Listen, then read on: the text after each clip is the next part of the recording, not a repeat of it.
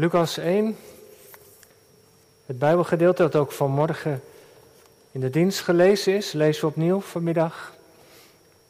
Focus ligt nu op het tweede gedeelte. Lucas schrijft: In de zesde maand werd de engel Gabriel door God gezonden naar een stad in Galilea, waarvan de naam Nazareth was, naar een maagd die ondertrouwd was met een man van wie de naam Jozef was, uit het huis van David. En de naam van de maagd was Maria. En toen de engel bij haar binnengekomen was, zei hij: Wees gegroet, begenadigde, de Heere is met u. U bent gezegend onder de vrouwen. En toen zij hem zag, raakte zij in verwarring door zijn woorden. En ze vroeg zich af wat de betekenis van deze groet kon zijn. De engel zei tegen haar: Wees niet bevreesd, Maria, want u hebt genade gevonden bij God. En zie, u zult zwanger worden en een zoon baarden, en u zult hem de naam Jezus geven. Hij zal groot zijn en de zoon van de Allerhoogste genoemd worden. En God de Heere zal hem de troon van zijn vader David geven. En hij zal over het huis van Jacob koning zijn tot in de eeuwigheid. Aan zijn koninkrijk zal geen einde komen. Maria zei tegen de engel, hoe zal dat mogelijk zijn, aangezien ik geen gemeenschap heb met een man? En de engel antwoordde en zei tegen haar, de Heilige Geest zal over u komen. En de kracht van de Allerhoogste zal u overschaduwen. Daarom ook zal het Heilige dat uit u geboren zal worden, de Zoon van God genoemd worden. En zie, uw nicht Elisabeth is eveneens zwanger van een zoon in haar ouderdom. Dit is de zesde maand voor haar die onvruchtbaar genoemd werd. Want geen ding zal bij God onmogelijk zijn. En Maria zei, zie, de dienares van de Heere. Laat met mij geschieden overeenkomstig uw woord. En de engel ging van haar weg. Zover de lezing van de woorden van God. Zalig zijn we als die woorden niet alleen horen, maar net als Maria bewaarden. naar leven. Halleluja. Vanmorgen ging het over begenadigd door God. In het tweede gedeelte ligt het accent, thema van de preek, op volkomen overgave. Gemeente van Christus, hier in de kerk, u thuis, gebruikte vanmorgen het beeld van een fotoboek. Dat je de eerste hoofdstukken van Lucas met een fotoboek zou kunnen vergelijken. Iemand wees me erop dat je als het ware de, de glazen in het koor op zo'n manier ook zou kunnen zien. Die glazen laten verschillende momenten uit het leven van onze heiland zien. Je loopt er langs, je kijkt ernaar, net als bij een fotoboek als je de bladzijde omslaat, steeds weer nieuwe perspectieven, nieuwe dingen krijg je dan te zien. De eerste foto vorige week, Zacharias, vandaag op de tweede afbeelding Maria. Zacharias, daar begon het mee, in de tempel in Jeruzalem, de woorden van de engel die geen weerklank vonden in zijn hart. Dat God na zoveel eeuwen weer had gesproken, dat hij weer van zich liet horen, dat een van de allerbelangrijkste engelen hem persoonlijk opzocht, dat in het plan van de Heere God hun eigen kinderwens ook was meegenomen. De bijzondere dingen die over de zoon zijn gezegd, dat alles kan er bij Zacharias niet in. Ik kan het niet geloven, de feiten van zijn leven zijn sterker dan de heilsfeiten, dan de woorden van God. En dan moet hij negen maanden zwijgen. Maar wat een contrast bij wat Lucas vertelt over Maria.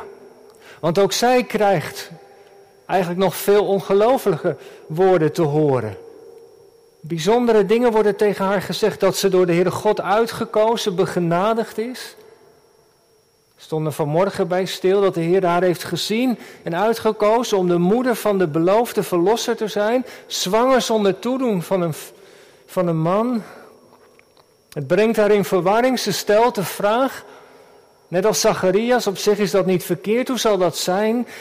Maar anders dan bij Zacharias blijft zij niet in het verzet steken, maar is er die openheid, die ontvankelijkheid bij haar. De Heilige Geest zal over je komen, Maria. De kracht van de Allerhoogste zal je overschaduwen. Dat wat in je moederschoot tot leven wordt gewekt, dat zal heilig genaamd worden, de Zoon van God. En dan dan is er bij Maria die overgave. Geen verzet, maar overgave. Dat is toch eigenlijk bijzonder gemeend. Die overgave van Maria. En als je kijkt naar de woorden die de engel spreekt, is het mooie daarvan, als je dat wat bestudeert, dat de engel teruggrijpt op oude beloften.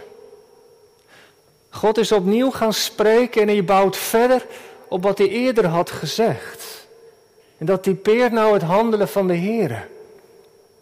Hij maakt af wat hij is begonnen en gaat verder, om zo te zeggen, waar hij is gebleven. Niet alleen toen, maar dat doet hij nog steeds, ook in onze levens. God maakt af wat hij is begonnen. Misschien zijn er dingen tegen je gezegd al heel lang geleden. Door God bevestigd, misschien wel in een dienst of op een andere manier. Maar geen van die woorden zullen onvervuld blijven. God waakt over zijn woord. Hij is aan het werk, zegt Lucas. En als God aan het werk is, dan bouwt hij verder op wat hij heeft gezegd. En dan zit er ook altijd perspectief in. Het gaat ergens naartoe. God werkt aan zijn plan. En daarom zijn de woorden van God, hoe kritisch ze ook kunnen zijn, altijd doorademd van, van hoop. Ze wijzen richting, ze geven perspectief. En die ongelofelijke dingen die Maria te horen krijgt, twee dingen daarover. Wat over het kind wordt gezegd. De naam, hij zal Jezus heten. Letterlijk Jozua. Ja, en dat was een naam die natuurlijk voor een Jood bijzonder in de oren klonk. Want wat was de taak van Jozua? Hij moest het volk in het beloofde land brengen. Dat was de roeping van Jozua. Hier komt opnieuw een Jozua met een hoofdletter. Hij mag het volk Israël brengen in het beloofde land. Hij mag de mensen brengen tot in het koninkrijk van God, Gods nieuwe wereld. De ballingschap is ten einde. God gaat een nieuw begin maken met Jozua, met de Heer Jezus. Thuisbrengen na zoveel eeuwen, na alles wat er is gebeurd tussen God en zijn volk. Hoe bijzonder is dat? En die oude beloften, dat is het tweede, die grijpen helemaal terug op die troon van David. Ook dat had God beloofd, dat er altijd iemand op die troon zou zitten. Dat die dynastie van David geen einde zal hebben. Maar hij was op dat moment vakant. Maar nu komt er iemand. Hij zal koning zijn over het huis van Jacob tot in eeuwigheid. En zijn koninkrijk zal geen einde komen. Staat er zelfs twee keer. Zo belangrijk is dat. Psalm 2, God heeft gesproken. Er zal een koning zijn in Israël. Maar dat is niet een koning die mensen hebben uitgekozen. Maar dat is de man, de koning, naar het hart van God. En de belofte die Gabriel aan Maria geeft, pakt God al die oude beloften terug. En ze worden geclusterd, gebundeld, gefocust, gericht op Jezus. God is niet vergeten wat hij heeft gezegd. Hij komt er altijd op terug. Al zijn het woorden van een lang verleden. Geen woord dat hij gesproken heeft blijft onvervuld. En gemeente, dat moeten we ook heel goed voor ons eigen leven onthouden. Ik zei het net al. Geen woord van God keert leeg terug. Al de beloften van God, zegt apostel Paulus, zijn in de Heer Jezus ja en amen. Ze zullen hun vervulling niet missen. En daarom is het ook belangrijk. Hè? Het volk staat buiten te bidden. Zacharias bij het reukofferaltaar. Maar er zijn er nog meer uit die kring, die rest daar in Jeruzalem die de vertroosting van Israël wacht, verwachten, die bezig zijn om zo te zeggen, Simeon en Anna met de belofte van God. Heere God, maar dit heeft u beloofd. Wanneer komt het moment? En dat is ook belangrijk voor het gebed. Ik zei het vorige week al, vasthouden. Die woorden van God in je hand nemen. Het gebed om verlossing. Van alles in je leven wat niet op orde is. Gebed om verlossing van deze wereld. De komst van Gods koninkrijk. De vrede. Al die dingen waar de aarde zo naar verlangt, waar mensen niet meer naar vragen. We zijn geroepen om dat in ons gebed telkens maar weer langs te laten komen, terug te grijpen. Die woorden van de Heere zelf. Want, dat had Luther goed begrepen. God kan niet achter zijn eigen belofte terug. Met de vrijmoedigheid van het geloof mogen met die woorden naar de troon, met die belofte naar de troon van de genade gaan. En weet u, straks zullen we dat zien bij de, bij de lofzang van Zacharias. Daar wordt het nog een keer herhaald. In die lofzang profeteert Zacharias en dan zegt hij over God de eed die hij aan Abraham heeft gezworen. God sprak een eed uit. Eeuwen geleden aan Abraham. Hoe lang is dat niet geleden? En dat is God niet vergeten. Hij is dat bezig te vervullen. Hoe lang hebben ze er wel niet op moeten wachten? En wat was die belofte dat wij, verlost uit de hand van onze vijanden, Hem zouden dienen zonder vrees? Dat er dus een dag komt dat Israël verlost zal worden van hun vijanden.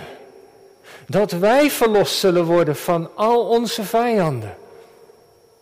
Welke vijanden zijn dat?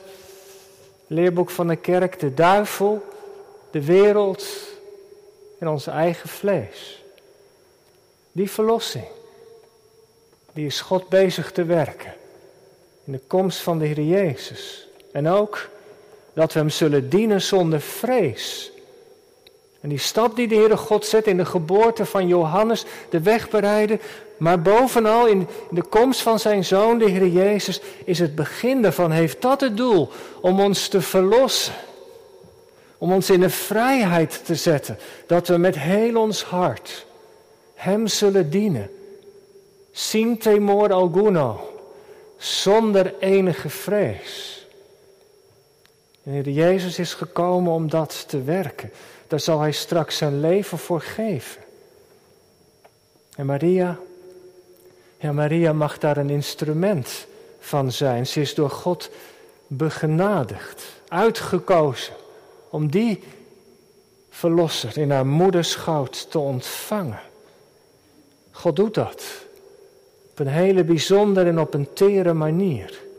die woorden die, die de engel Gabriel tegen Maria spreekt, die gaan over dat, ja, dat mysterie, dat wat je niet in woorden kunt, kunt uitdrukken. Over de incarnatie, de menswording van God zelf in zijn zoon. God wordt mens om hier op aarde de zonde te verzoenen en het koninkrijk te vestigen. En Maria, als een jonge vrouw, wordt ingeschakeld in die plannen van God. Bijzonder, waarom ik? Maar er is bij haar die overgave, de dienares van de Heere. Laat het mij geschieden overeenkomstig uw woord. In het Hebreeuws, hineni, hier ben ik. Hoe oud is ze? 17 jaar misschien, weten we niet precies. Maar met die woorden van die engel, met die overgave, staat heel haar leven op haar kop, op zijn kop. Wanneer Maria zwanger wordt, zal Jozef haar willen verlaten. De mensen zullen schande over spreken. Haar hele leven ondersteboven gekeerd. Ik weet niet of ze op dat moment dat allemaal beseft, maar misschien ook wel. Maar toch is daar die overgave. Wat is dat mooi. En wat is het geheim? Nou ja, misschien wel vers 37. Hè? Het teken dat ze krijgt, is Elisabeth, ook zwanger. Is op hoge leeftijd. Daar heeft God dus een wonder gedaan als het teken. Daar zal ze straks naartoe gaan om het als het ware met eigen ogen te zien. Maar er is ook een woord wat de Engels spreekt. Geen ding is voor God onmogelijk. En als je dat in de Bijbel uitzoekt, dan is dat in de geschiedenis van Israël een bekend woord. Als Abraham en Sarah geen kinderen kunnen krijgen, is daar ook het woord van de Heer. Geen ding is voor God onmogelijk. Of later in de ballingschap bij de herbouw van de tempel, als de situatie uitzichtloos is, is er ook weer dat woord van God. Geen ding is voor hem onmogelijk. Zou voor de Heer iets onmogelijk zijn? Gemeente, dat is een woord om op een kaartje te zetten, je bureau, in je huiskamer in al die moeilijke situaties waarin we soms verkeren, de worsteling die je hebt in je eigen leven, zou voor de Heer iets onmogelijk zijn. Nee toch? In dat vertrouwen mogen wij leven met die belofte in ons hand. En het is die belofte die Maria over de streep trekt van de overgave. Want de focus ligt niet langer op haarzelf, maar op de Heere God. Op wie hij is en wat hij heeft beloofd. En dat geeft de doorslag. Ze wordt als het ware over de streep getrokken. Hier ben ik, wat wilt u dat ik doe? En zo schetst Lucas op dat tweede afbeelding die overgave van Maria, die beschikbaarheid. En natuurlijk is dat wat de Heer van ons allemaal verlangt. Dat zijn woorden niet afketsen op onze jamar zoals bij Zacharias, maar dat er die overgave is in ons hart. Heren, als u dat zegt, ja, dan, dan kan ik ook niet anders meer doen dan me gewonnen geven. Als u dat tegen mij zegt, wie ben ik om daar dan tegen in te gaan? Als hij tegen je zegt, broeder en zuster, voor mij is niets onmogelijk. Dan kun je niet antwoorden met ja maar. Toch? En die stem van God, die daar klinkt in de huiskamer van Maria, in de kamer waar ze zich bevindt, die stem, die kan op heel verschillende manieren naar ons toe komen. Soms zit je in de kerk en is het één woord, soms maar één zinnetje uit een lied of een woord wat in het preek wordt gezegd. De dominee is zich er niet van bewust, maar God gebruikt dat om tot u, tot jou te spreken. Thuis, als je onder het woord bent, er is iets wat je raakt. En het dringt door en je denkt, jongen, als dat waar is, dat het waar is, wat bijzonder. En ik geloof dat dat nog steeds gebeurt. Soms mag je er iets van delen op een bijbelkring of in een pastorale ontmoeting. Dat God aan het werk is en dat zijn belofte je over de streep trok om die stap in geloof te maken, om dingen af te leggen. Wat dan ook. Dat je zo bemoedigd bent. Dat je jaren later nog weet en dat je het zomaar eens aan je kleinkinderen vertelt. Weet je hoe dat in mijn leven is gegaan? Het woord van God. Dat tot je kwam op een kring of tijdens een bezoek.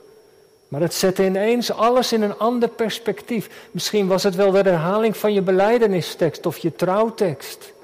Maar het kwam binnen. Net als bij Maria. Geen ding is voor de Heere onmogelijk. En als dat zo was in jouw leven, in uw leven, wat heb je er dan mee gedaan? Heeft het u jou ook in beweging gezet? Naar ietsje meer toewijding misschien? Maria stelt zich dienstbaar op. Mij geschieden naar uw woord. En Lucas schildert haar als een voorbeeld. Dat is wat God van ons allemaal verlangt. Geloven is nou dat je door de woorden van God laat meenemen. Door wat tegen je gezegd wordt. Waarom geloof je? Ja, dat is een goede vraag. Er is iets tegen me gezegd. Een woord. Van de andere kant. Van God zelf. Daar vertrouw ik mij aan toe. Geloof is dat je meebeweegt met de woorden van de Heer. En weet je, soms kan het helpen om daar heel concreet om te bidden. Voordat je naar de kerk gaat. Heere God, laat dat vanmorgen gebeuren. Dat er een woord voor mij bij zit. Verwachtingsvol.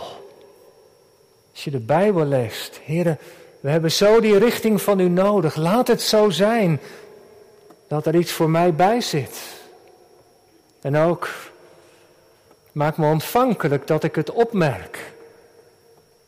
Want zo vaak gaan die woorden van God aan ons voorbij omdat we niet opmerkzaam zijn. Geef mij een leefshomea, een hart dat hoort. En gemeente, ik bid dat het zo zal zijn vanmiddag. Als we opnieuw het avondmaal vieren. En als we het horen, dit is mijn lichaam voor u. Verbroken. Tot volkomen verzoening van al onze zonden. Ook zo'n woord van onze heiland. Je zonden zijn vergeven. Sta op. In een nieuw leven. Dat je daar niet blijft zitten, dat je daar niet zegt, ja maar, maar overgave, Heere, als u het zegt, laat dat zo zijn. Dan kan ik niets anders meer dan mij gewonnen geven. En na vandaag, als het morgen weer maandag is, nou ja, schrijf die woorden in een schrift. Als je bidt om nieuwe toewijding, overdenk die woorden van God nog eens die je hebt gehoord. Laat ze niet aan je voorbij gaan. Diep ze op. Een boekje met je aantekeningen gemaakt tijdens de dienst. Of hoe je dat ook wilt. Want al die woorden van God zijn waar. En eeuwig. In die donkere tijd zijn het fakkels of vuurwerk. Maar vuurwerk dat niet uitdooft. Want al Gods beloften zijn eeuwig en betrouwbaar. Daar kunnen wij op bouwen. Laten we dat ook doen. Amen.